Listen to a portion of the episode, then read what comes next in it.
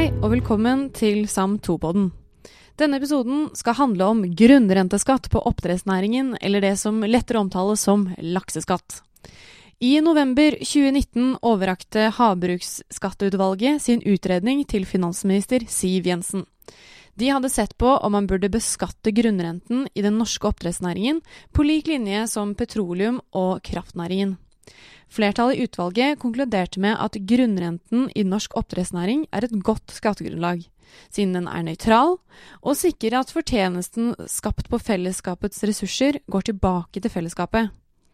Forslaget om lakseskatt har imidlertid satt sinne i kok hos oppdrettsnæringen, hvilket er for så vidt en ærlig sak, med tanke på at næringen ikke ønsker mer skatt, det senker jo tross alt lønnsomheten på deres investeringer. Men det som imidlertid er litt mer mystisk, er at uh, lenge før rapporten ble ferdig, så lå det an til et flertalls nei til lakteskatt på Stortinget. Så hva er det som er så forskjellig med oppdrettsnæringen fra petroleum og kraft, at den ikke egner seg til grunnrenteskatt? Eller er det noen forskjell? Vi var så heldige å få snakke med en fra hver side av denne opphete debatten. Geir Ove Ystmark, administrerende direktør for Sjømat Norge, og Linda Nøstbakken. Linda Nøstbakken, i tillegg til å være vår kjære prorektor, har sittet i Havbruksskatteutvalget og var en del av flertallet som konkluderte med at vi bør innføre grunnrenteskatt på oppdrett. Hvilket forslag var det dere endte opp med å konkludere med, og kunne du kort forklart hva forslaget gikk ut på? Det hele utvalget var enige om, da var at der du har en næring som genererer grunnrente, så bør det òg særbeskattes. For grunnrente er et veldig godt skatteobjekt. Så ble vi enige om at det er betydelige grunnrenter i havbruk, og har vært det i senere år. Vi var helt enige om at fellesskapet bør få en andel av denne grunnrenta òg fra havbruksnæringa. Og så var vi enige om hovedtrekkene i disse ulike skattemodellene som vi vurderte, både produksjonsavgift og overskuddsbasert skatt. Ble det jo litt uenighet, fordi det som ble et mindretall med NHO, LO og en som representerte kommunene, de mente at ja, her er masse grunnrenter nå, men dette kommer ikke til å vare, så her er det bare å ikke skatte noen ting. Vi som da var flertallet, vi mente at uh, her er grunnrenta, det er ingenting som tyder på at den grunnrenta vil forsvinne. Og Da har vi lagt inn sånn at du har et på en måte basisen er et grunnrente, overskuddsbasert grunnrenteskattesystem, som i petroleum, som i kraft. Men i tillegg til det så la vi inn ei produksjonsavgift som skal ta seg av den fordelinga mellom stat og kommunesektor. Sånn at uh, for selskapet så betyr ikke det noe ting. For for selskapet så betyr det de betaler bare den vanlige overskuddsbaserte grunnrenteskatten. Men av det som kommer inn, da, av de inntektene, så går på en måte en produksjonsavgift til kommunene. Og så til slutt så sa vi at eh, det skal være auksjon ved alle nye tildelinger til staten, og at inntektene der, i motsetning til hvordan det er i dag, så skal de fonderes. Altså vi setter de i banken, og så betaler vi ut en andel hvert år. For da varer de lenger, og så sikrer du òg framtidige generasjoner. Så hva er, hva er, egentlig en grunnrente? Det er jo verdien av grunnen. Så, så er det kan du tenke deg den ekstraordinære avkastninga du har på å forbruke noe som har med naturen å gjøre, typisk, etter at kapital og arbeidskraft har fått det som er markedsmessig avlønning på deg. Ja, Så det er en gratis innsatsfaktor i produksjonen? Ja, det trenger jo ikke være en gratis innsatsfaktor. For hvis du f.eks. i Oslo har et hus som står på ei tomt, så er jo den tomta, den grunnen er jo veldig mye verdt. Og den har du betalt for. Så, så det er, men det er bare det at det er veldig enkelt hvis du betaler. Men det er når du ikke betaler, da begynner det å bli mer komplisert. sant? Så du er jo ofte der vi snakker om det. Ja. Så det er den avkastningen du får i tillegg til det du allerede har priset inn i produksjonen din. Mm. Ja. Eh, og hvordan, hvis vi ser, hvordan oppstår en grunnrente? Vi har vært litt inne på det, men kan vi si noe mer spesifikt, spesielt knyttet opp til sånn havindustri? Ja, hvis vi tenker på oppdrettsnæringa, da, så har jo vi en kyst som er ekstremt godt egnet for oppdrettsproduksjon. Vi har rette temperaturer, vi har passe godt beskytta av holmer og skjær og sånt som så, ligger ut forbi. God vannsirkulasjon. Det er veldig gode forhold for å drive oppdrett. Og da betyr at dere der er grunnrenta, for da betaler du for anleggene dine, du betaler for arbeiderne dine, du får normal avkastning på kapitalen du investerer etter den risikoen du tar. Og i tillegg til det, så sitter du igjen med noe. Og den betalingsviljen ser vi jo når de nå driver og handler oppdrettstillatelser. Så er det en voldsom betalingsvilje for bare å få lov å produsere i Norge. Og da viser den grunnrenta som ligger til grunn her. Så et nøkkelord når det kommer til grunnrente, er jo knapphet. Ja, her er det knapphet, som i alle tilfeller, men her er det knapphet av at du har disse reguleringene, så er drevne av at naturen har sine begrensninger. Knappheten er jo rundt kysten i Norge, men har vi noen alternativer til en produksjon langs kysten som kunne konkurrert med de stedbundne forholdene? Ja, det er jo ikke sånn at uh, ingen har tenkt på skal vi finne på noe annet enn å produsere i kysten langs, uh, langs Norge. Det har de jo prøvd på i årevis. Så norske selskap òg er jo i hele verden og leter der det er rom for å tenke at kanskje vi skal klare å produsere laks eller aure her. Så du ser jo da i Canada, i Chile, du har i, på Island, de begynte med oppdrettsproduksjon, eh, i Storbritannia rundt der. Det er mange plasser så det går an å gjøre det. Det har ikke vært så verdifullt å bedrive produksjonen der.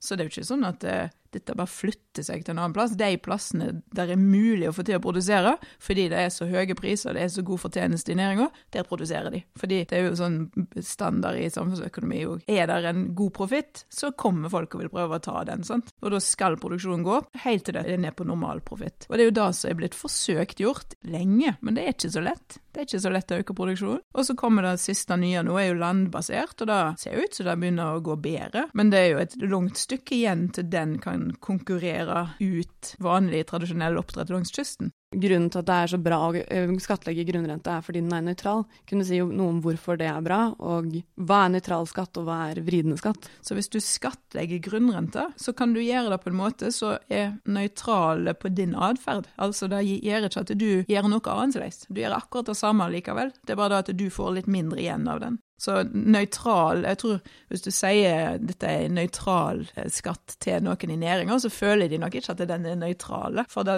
tar jo å flytte, det er jo en overføringsmekanisme. Det flytter jo penger her, da, fra noen til staten. Så sånn sett så føles det ikke nøytralt, men det påvirker ikke atferden deres. De skal investere like mye som de før ville gjort, de skal gjøre de samme tingene, de skal ha samme aktivitetsnivå. Så sånn sett så er en skatt på grunnrenta veldig bra, fordi det det ødelegger ikke aktiviteten. Mens skatt på inntekt gjør jo at vi jobber litt for lite. Og da at vi jobber, det er jo bra.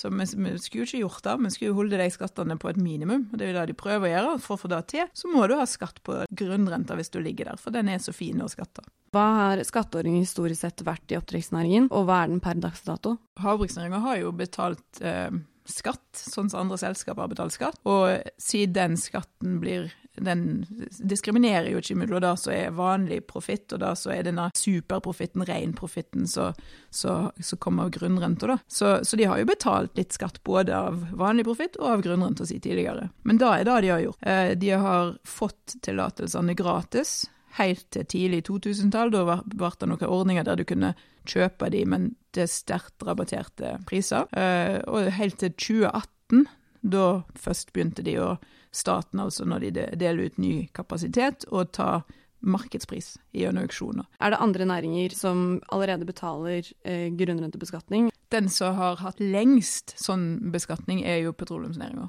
Og da systemet har de jo over tid fått på plass i petroleumsnæringa, og justert det etter som de har lært og ting har utvikla seg, og har i dag et tilnærmet nøytralt system. I kraft så har du òg hatt det. Der har det vært litt kritikk om at det har vært noen prosjekt som ikke er blitt investert i. Det går jo an å si at det systemet som er i dag i kraft, er ikke 100% nøytralt, fordi det består av ulike komponenter, og de har fortsatt noen vridende komponenter. Så kom det et forslag i, i fjor om å endre på det, og da var jo for det enda mer nøytralt. Så kan det jo godt hende det, at det ikke har vært 100% men det er ganske godt, da. Det er ganske tett opp mot det som er et nøytralt system. Så så lenge man har et godt design, så skal det ikke påvirke fremtidige investeringer? Nei, det påvirker lønnsomheten til de som eier kapital i den næringa. De får mindre avkastning, men de får ikke mindre enn det som er normal avkastning, gitt den risikoen de tar. Man er redd for at skatten skal være vridende selv om den er ment å være nøytral. Eh, hva tenker du er forholdet mellom teori og praksis, og hvordan har de håndtert det i andre næringer? Jeg tror det er få som, er, som mener at det er veldig gale det vi ser i petroleumsnæringa, og jeg tror det er få som syns det er veldig gale det vi ser i kraft. I oppdrettsnæringa, i motsetning til petroleum- og kraftnæringa, så er det ikke i nærheten så kapitalintensiv næring. Og det som skaper trøbbel med en sånn skatt, eller det som kritikerne hevder er problemet, da, det er, for å være veldig sånn teknisk her, hva avkastningskrav bruker næringsaktørene når de diskonterer verdien av ulike faktorer i dette skattesystemet. Og hvis de har feil diskontering, så er det en feil som blir skulle du si, verre hvis du har mye kapital i næringa. Oppdrettsnæringa er ikke så kapitalintensive, så der vil feil bli langt mindre. Og da er liksom over i det andre aspektet eh, med å beskatte grunnrente, er, og som dere er litt inne på i NOU-en, er hvorvidt det er rettferdig. For man kan jo si at eh, gründerne har tatt en eh, voldsom risiko med å investere i eh, oppdrettsnæringen, og så kommer man i ettertid eh, og skal beskatte det. Eh, burde ikke staten tatt liksom, sin del av risikoen i oppstartsfasen? Jo, det kan du si. Nå må vi jo si at da, staten har bidratt voldsomt i denne næringa. Jeg tror ca. halvparten av innovasjonen som har skjedd i næringa, er finansiert av staten. Så det er jo ikke sånn at de har stått helt på sidelinja, så av og til du kan få inntrykk av. Men uten å ta stilling til det. Eh, sånn er det i hver næring. Det skjer ting. Sant? Plutselig så er det et behov for å regulere noe eller for å gjøre endringer fra styresmaktenes side. Og det er en risiko som du som investor hele tida står overfor. Men man kan jo også si at de på en måte har tatt sin, eller staten har tatt sin del av risikoen fordi man nærmest delte ut konsesjoner gratis i startperioden. Da har de jo fått uh, tatt grunnrente av fellesskapets ressurser i mange år før vi skattla det. Jo, men når de delte ut tillatelsene, for det, dette har jo vært et spørsmål lenge sånn på et eller annet tidspunkt så var det jo ingen som hadde Det var ildsjelene som hadde lyst til å drive med dette. Hvem som helst kunne få seg en, eh, en tillatelse til å drive oppdrett. Men etter hvert så de fikk det til og fant ut av ting, da ble det sånn Oi, nå har jeg òg lyst til å komme inn. sant? Og da, da var det jo ikke flere tillatelser. Så da måtte du jo betale noen for å, for å få deg til, til, å hoppe ut, så du får hoppe inn. skulle jeg si. Og da, allerede da så var det jo snakk om det. Ja, men hva har de gjort? sant? De satt jo bare der og fikk disse tillatelsene. Men de var der nå, når ingen andre var der. Så det er noe der òg. Men tilbake til de som har tatt risiko. Den risikoen har de fått godt betalt for. Og det er jo en eh, risiko med tanke på at hvis det er utenlandske selskaper som investerer, at vi ønsker jo at eh, våre ressurser skal tilvære fallet Norge. Ja, Det er litt ironisk, for vi ønsker jo òg at Norge skal være et attraktivt land å investere i, og det har det vært. Og etter, i takt med at oppdrettsnæringen er blitt mer profesjonelle, de selskapene er blitt større, de har gått på børs, og så har det òg kommet inn utenlandske eiere. Eh, noen bare fordi de kjøper aksjer på Oslo Børs, andre fordi de har kjøpt seg opp i disse selskapene. Så vi så jo på det, og ca. 35% av konsesjonskapasiteten i den norske oppdrettsnæringa i 2018 var på utenlandske hender. Kan du si noe om hvordan laks og ørret konkurrerer internasjonalt nå i dag? Norge produserer ca. halvparten av laksen som blir produsert i, i verden. Og sier laks og øre, og ørret er mye mindre, så, men det er på en måte litt av samme markedet. Og de samme produsentene. Så Norge er svære, har alltid vært svære på oppdrett av atlantisk laks. Um, og der er, det har vært gode marginer lenge, heldigvis, fordi den kostnadene Gode priser har det òg vært. Kostnadene i, i lakseproduksjonen i Norge har gått voldsomt opp pga. luseproblem og litt sånn sykdomsutfordringer. Så de trenger høye priser, mye høyere priser i dag enn for fem og ti år siden for å holde seg pluss, på plussida. Men så har prisene vært fantastiske, nettopp fordi du har hatt disse utfordringene som har gjort at du ikke har fått vekst i næringa. I Norge så har de ikke tillatt vekst de siste ja, tre-fire-fem åra i særlig grad. Og da øker ikke tilbudet. Mens etterspørsel den har økt og økt og økt og økt fra begynnelsen av denne næringa si, si tid. Så det har vært en fantastisk etterspørselsøke. Tilbudet har vokst over tid, men så har det flata ut, fordi du har fått disse utfordringene. Og da blir det jo fantastiske marginer. sant? Da går prisene opp, eh, og, og, vi ser hva som har skjedd her. Og vil en skattlegging av grunnrenten føre til svekket konkurransedyktighet? Eh, jeg klarer ikke å se det, eh, av den grunn at det er et sug etter å få produsert mer. Og det er i hele verden. De prøver alle veier du klarer å tenke deg at det går an å produsere laks, der produserer du laks. For da at det er så gode marginer og for da at tilbudet har stagnert, mens etterspørselen fortsatt er høy og har vokst helst. Så det er ikke noe sånn Oi, nå hopper vi vekk fra den norske næringen og sånt. Det, de, det er kjempeattraktivt å produsere laks på norskekysten. Da ser vi jo òg for hvor mye de betaler for konsesjoner. Én konsesjon går jo for nå Så altså én konsesjon som gir deg lov til å ha opptil 780 tonn med fisk i vannet til enhver tid, går for bort nærmere 200 millioner. Én konsesjon. Et vanlig anlegg har gjerne borti fire sånne konsesjoner. Så kan du tenke deg, hvis du ser et anlegg, så er det til å ta si 170 millioner, da ganger fire. Det er bare konsesjonsverdien. Det som de tror Altså framtidige grunnrenter på den lokaliteten er verdt. Og det er jo det som gjør at det, det er litt ironisk her, da, fordi næringa sjøl sier at det, det er jo bare snakk om dager, så er jo landbasert, og dette bare feie den norske tradisjonelle oppdretten av banen. Men de sjøl betaler jo vanvittige summer for å få lov til å komme inn og produsere, og det de betaler for, er jo det de ser for seg i avkastning på de lokalitetene, på den konsesjonskapasiteten over tid. Så det, går jo, det henger jo ikke i hop, dette. De har gode forventninger. Hva teoretikere sier er én ting, men hva med bransjen selv? Vi slo på tråden til administrerende direktør i Sjømat Norge, Geir Ove Ystmark. Hvem er dere i Sjømat Norge? Vi er en landsforening i næringslivets uh, hovedorganisasjon. Så vi er liksom sjømaten eller fisken i, i NHO-fellesskapet.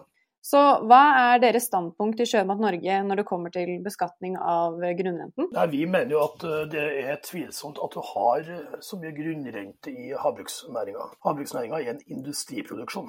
Ikke, vi høster ikke av en bestand. Vi produserer sjøl fisken. Det er oppdretterne som får klekka eggene, som gjør at man får smolt som produseres på et anlegg på land. Så fraktes den ut i sjøen, hvor man i en periode fôrer opp eh, fisken, før man frakter den videre til slakteri og videreforedling. Så den bruken vi har av naturressursen er begrensa til bruken av eh, sjøareal eh, i en begrensa periode av eh, produksjonen. Og det gjør at vi, vi mener at det er ikke er treffsikkert å definere denne næringa som en grunnrentenæring. Og skulle du definere sjømat som, og havbruk da som en grunnrentenæring ut fra at vi bruker lokaliteter i sjøen i en periode, ja, så må vi jo da begynne å vurdere hvilke andre næringer bruker ikke også sjøareal. Eh, så Derfor har vi vært uenige i hele innretninga på diskusjonen. Og så er det et annet forhold som er veldig viktig for å definere en næring som en grunnrentenæring, eller eh, ut ifra disse skatteteoriene om eh, grunnrente, og det er hvorvidt en næring er mobil eller ikke. Hvis en næring er låst fast en plass, så mener en del samfunnsøkonomer at da kan du skattlegge den ressursen mer uten at det har eh, effekt av at skatteobjektet rømmer eh, skatten. Hvis skatteobjektet kan flytte effektivt mellom ulike land, så mener de samme samfunnsøkonomene at da vil du få tilpasning ved at skatteobjektet flytter på seg. Så et veldig viktig spørsmål er hvorvidt havbruket er en mobil næring eller ikke. Og Der legger flertallet i utvalget til grunn at uh, havbruket er skrudd fast i norske fjorder, og at lakseproduksjonen nærmest uh, som en naturlov bare kan skje et begrensa sted i verden. Og det er ikke riktig. Vi ser en veldig økning i produksjonen av eh, laks. Både i andre land med riktige temperaturer i sitt sjøvann, sånn som Island, Færøyene, New Zealand, Chile, Canada, eh, Australia, mange land. Men vi ser også at eh, ny teknologi eh, gjør denne diskusjonen enda litt mer apart. Vi får eh, teknologi som gjør at eh, du kan produsere laks på land langt bort fra sjøen det er bare det siste året under bygging eh, landbaserte oppdrettsanlegg i USA, i Japan, i Kina, i Sør-Afrika, til og med Forente arabiske emirater. I ørkenen produseres det nå laks. Og da blir det å ta som en slags forutsetning at laksen, lakseproduksjonen ikke er mobil. Det blir en helt galt utgangspunkt, og det er litt forelda i forhold til den teknologiutviklinga vi ser. Ok, Så du sier at grunnrenten den er ikke, den er ikke, fastlåst, ja, den er ikke fastlåst i norske fjorder. Den er en del av deres teknologi som oppdrettsbedrifter. Så du tenker at hvis man eh, lager dette produktet, så, eller sånn, man lager denne beskatningen på grunnrente, så tenker jo jeg at eh, men hvis det ikke er noen grunnrente, så vil du heller ikke betale noen skatt. Tenker du da at man vil beskatte feil ting. Man vil beskatte teknologien dere har, og ikke den eh, ekstraavkastningen man får av å være i norske fjorder? Altså, selve tanken er jo at man skal redusere skatta på den ordinære selskapsskatten på de næringer som kan flytte, ved å øke skatten på de næringer som ikke kan flytte. Og Det som eh, skjer nå, det er jo at teknologien gjør at du kan flytte investeringene i rasende fart. Så Hvis du i Norge skulle få 40% skatt på toppen av ordinære skatter og avgifter, som vi selvsagt betaler og skal betale, så vil du gjøre det mindre attraktivt å investere i havbruk og lakseproduksjon i Norge, og mer interessant å investere i andre land. Så jeg er ikke i tvil om at havbruk og laks det er en av de store framtidsnæringene. Spørsmålet er om investeringene skal skje i Norge på den teknologi som er best for å gi konkurransekraft i Norge, eller om vi skal gjøre rammevilkårene så dårlige i Norge at vi vrir dem over i andre land. Og Vi har allerede sett at der hvor det er riktige sjøtemperaturer, så øker investeringene kraftig i andre land. Russland f.eks. bygger jo opp nå en laksenæring. Vi har sett det i mange land som jeg sa i sted, hvor man har bygd opp en tradisjonell lakseproduksjon. Men så skjer det jo teknologiutviklinga slik at du nå kan produsere laksen også på anlegg lengre og lengre ut i havet. Det gjør at det blir stadig større deler av havområdene i verden som blir tilgjengelig for uh, lakseproduksjon. Uh, det er gode badetemperaturer nært kysten av Portugal. Litt lenger ut i havet så det er akkurat de samme golfstrømmene som går, med akkurat de samme sjøtemperaturene som utenfor kysten av, av, Norge. Så det er klart at i en sånn setting, hvis du skal investere, plassere pengene dine i lakseproduksjon, og du vet at i Norge så må du betale over 60% i skatt, mens du på Island vil betale ordinær skatt, og kanskje i andre land betale enda lavere skatt. Og vi vet at i Kina så har man til med det motsatte. Man har nå skatteintensiver for å bygge opp lakseproduksjon i Kina. Da vil den internasjonale kapitalen trekke dit hvor det er mest attraktivt å investere. Og jeg tror at Norge har mange muligheter og, og fortrinn ved at vi har sterke industrimiljøer. Men de fortrinnene og de industrimiljøene vil bli forvitra hvis du hvis du skulle pålegge næringa en uh, tredobbel skattesats i Norge. Og En annen vesentlig del av debatten har gått på uh, fordelingsnøkkelen mellom stat og kommune. Uh, så jeg bare lurte litt på, Hvordan er den fordelingen i dag, og hvordan vil forslaget som Havbruksutvalget kommer med, endre på denne fordelingen? Ja, For det første så jo, betaler vi som alle andre næringer alle disse ordinære skattene og avgiftene, som i all hovedsak da går til statskassa. Så har man i tillegg så er det slik at det er en verdi på laksetillatelsen. Tillatelsen til å produsere laks er en knapphetsfaktor. Det er det ingen diskusjon om. Det er både flertall og mindretall i dette utvalget enig om. Men i dag så selges den til markedspris fra myndighetene gjennom et uh, eget system som gjør at vi får vekst annethvert år basert på bærekraft. Uh, og så blir det da solgt ut 6 eh, vekst som selges til markedspris. Og det gir ganske formidable inntekter som har tilfalt et fond som vi kaller Havbruksfondet. Som da gir en fordeling som i all hovedsak treffer kystkommunene, de kommunene som avgir sjøarealet, men også gir inntekter til stat og, og fylkeskommune. Men den ordninga vi har i dag, er at inntektene fra salg først og fremst treffer de kommunene som stiller sine arealer tilgjengelig. Og Det er for oss en ganske logisk sak, fordi det er, vi leier eller låner jo sjøareal. Og da har vi ment at uh, disse pengene bidrar til å dekke vårt lån av uh, sjøarealet fra kommunene. Og det er viktig at kommunene også får incitamenter som gjør at, uh, at de setter av areal til næringsproduksjon og til industriproduksjon.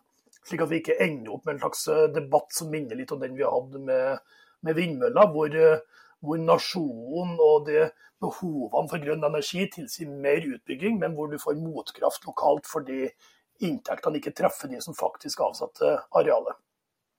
Så Det er vår tenkning, og vi har også tenkt sammen med kommunene at det kan innrettes ved at vi ordner en arealleieordning som enda mer treffsikkert sikrer kommunene forutsigbare inntekter det utvalgets flertall foreslår, det er å speilvende hele problematikken, innføre en statlig grunnrenteskatt på 40% som da kommer i tillegg til de øvrige ordinære skatter, som også stort sett treffer statskassa. Deretter eh, foreslår de at man eh, innfører at eh, disse inntektene fra salget av tillatelser flyttes bort fra vertskommunene, og også da rettes inn til staten. Og så sier de at eh, man i tillegg ønsker å ha en produksjonsavgift, som da skal gi kommunene en eh, inntekt. Men for å forsikre seg om at ikke noen kommuner skal få for mye inntekter, sjøl om man har flytta nesten alt av inntekter bort fra dem, så mener man at det må utjevnes via det kommunale inntektsfordelingssystemet. Så i praksis så kan du si at flertallet i utvalget er veldig opptatt av å maksimere skatt og dra skatten inn til staten og sørge for at det ikke blir skjevheter mellom eh, kommunene. Mens mindretallet, som er bestått av oss i næringa gjennom NHO, eh, LO og Kommunenes sentralforbund, mener at det er viktig å sørge for at inntektene treffer de vertskommunene som avsetter areal, sånn at vi faktisk også sikrer at vi får incitamenter til å øke eh, produksjonen og drive havbruk siden den tiden vi har planlagt dette intervjuet, så har det jo skjedd veldig mye i Norge, og det har skjedd mye siden, og i verden siden februar. Og eh, før du kom på dette møtet, så var du i møte med myndighetene og snakket om eh, hvordan dere i oppdrettsnæringen møter eh, koronaepidemien og forsyning av mat til, Norge. Kunne du si litt om hvordan denne pandemien har påvirket oppdrettsnæringen? Denne pandemien kommer til å påvirke alt av, eh, av, næringsliv. De første som ble slått ut, var jo hoteller, eh, flyselskap, eh, restauranter. De næringene som levde av å skape treffpunkt mellom oss mennesker. Det ble jo plutselig gikk det jo fra at vi skulle møtes og ha det hyggelig i lag, til at vi skulle sitte lengst mulig fra hverandre. Og det er klart at det ga en sjokkreaksjon i i disse næringene, som både i Norge og i Europa og i USA. Eh, og så gir, det, gir det, denne tsunamibølgen som til å gå som en ny bølge på næring etter næring. Eh, det påvirker alle matnæringene på den måten at eh, vi kommer til å spise mindre på restaurant fremover. Vi kommer til å spise mindre på hoteller. Konferanser er avlyst. Det endrer hvilke produkter det som etterspørres. For vår del betyr det at vi over natta så at uh, etterspørselen etter ferske fiskeprodukter sank som en uh, stein, mens etterspørselen etter frosne fiskeprodukter økte. og Dermed så måtte bedriftene legge om fra ferske til frosne uh, varer. over litt tid så kommer det til å påvirke kjøpekraften. Vi kan se for oss Nord-Italia som er et av de hardest ramma områdene i verden. Det er også et av de viktigste tørrfiskmarkedene. Det er klart at for de som har tørrfisklager i Norge, så kommer det til å påvirke muligheten for eh, salg og pris på disse eh, produktene. Og det kommer til å gjøre det på matvareområdet til matvareområdet.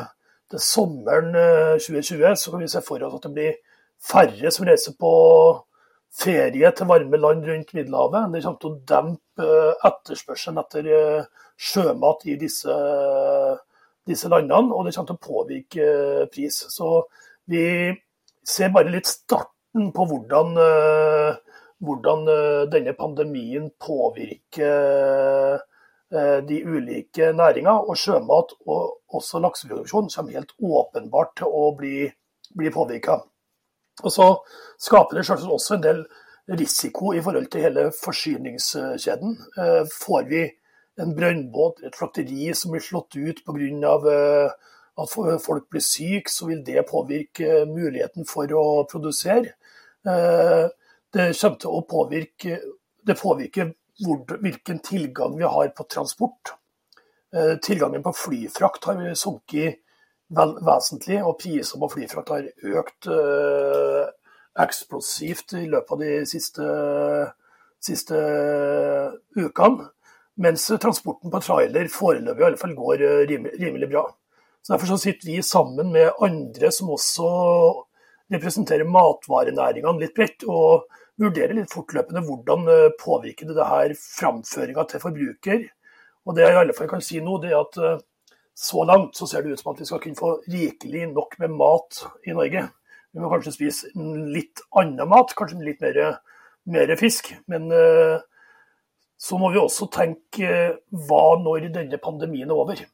Da blir det veldig viktig at vi får hjulene i gang. At de næringene som er i Norge da setter i gang med investeringer, slik at vi eh, får i gang industrien rundt hele havbruksnæringa og sjømatnæringa. Eh, og da må vi sørge for at ikke store deler av teknologiindustrien blir brakklagt nå. Vi må også sørge for at næringa, når vi er ferdig, er i en eh, setting hvor vi faktisk har mulighet til å gjennomføre eh, tunge investeringer, påta oss et samfunnsansvar også for å få hjulene i gang på nytt. Oppsummeringsvis kan vi da si at sakens kjerne går på hvordan man definerer grunnrenten. Der Linda Nøstbakken med sitt havbruksskatteutvalg mener at man klart kan definere grunnrenten som følge av økologiske forhold i fjorden, samt en rente som følge av at man regulerer antall anlegg i fjorden. Så klarer man å få en superprofitt som man ikke klarer å få andre steder i verden. Mens eh, Geir Ove Ystmark mener jo at denne definisjonen er for vid, og at denne superprofitten klarer man å skape i andre steder enn norske fjorder, og dermed kan enkelt flyttes ut av Norge. Og med dette vil jeg rette en stor takk til Geir Ove Ystmark og Linda Nøstbakken som tok seg tid til å belyse hver sin side av temaet lakseskatt. Jeg vil også rette en takk til Vetle Økland for musikk til jingle og Jon Blekastad for grafikk. Denne podkasten er laget av meg, Ada Hetland, og produsent Ole Christian Dyskland for Norges handelshøyskole.